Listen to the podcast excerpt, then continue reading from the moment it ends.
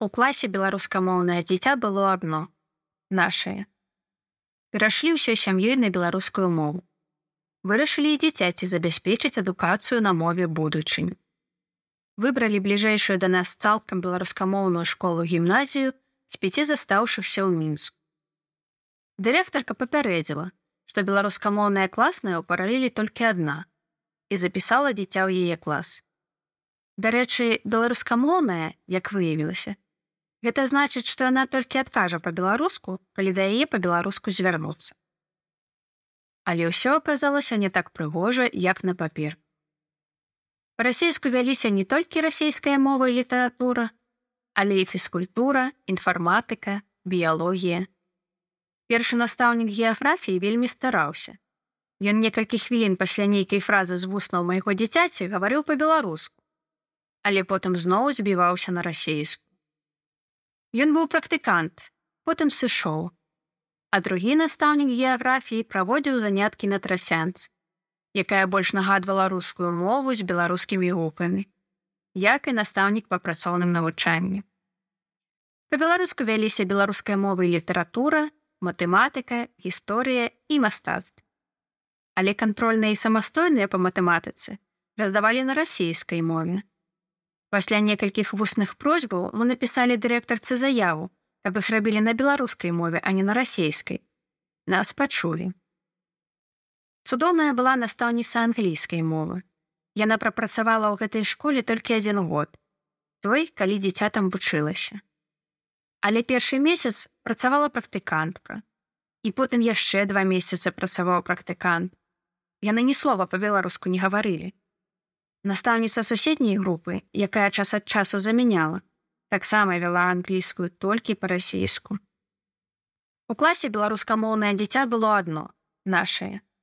Аднакласнікі не любілі за тое, што дзіця карысталася беларускай мовай нават на прадметах, якія выкладаліся па-расійску. Але настаўнікі нічога не гаварылі, акрамя настаўніцы па інфарматыцы, якая адмаўлялася перакладаць тэсты і заданні на беларускую мову. Прычым падручнікі па інфарматыцы былі па-беларуску. Таму дзіця не заўсёды разумела расійскія тэрміны і падыходзіла спытаць.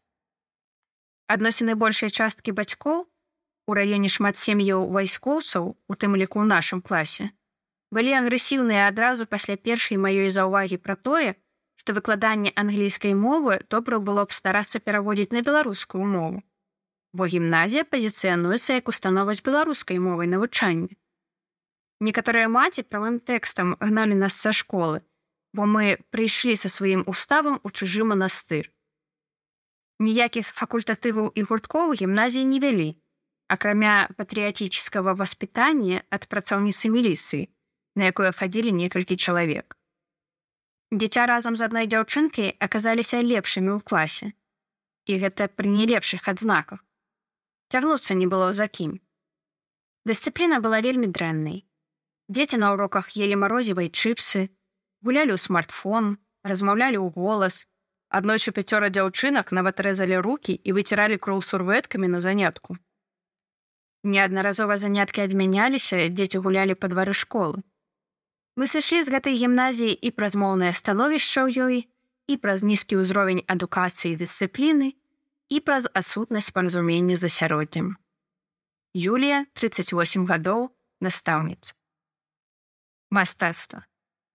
Мастацтва ў кожнай асобы рознае. Кожны чалавек па-свойму мастак, просто не заўжды ён так думае пра сябе. Мастацтва ў кожнага народа таксама сваё, як і свая мова, якая з'яўляецца канцэнтраванай праявай мастацтва і душы народа. Чытала каштан.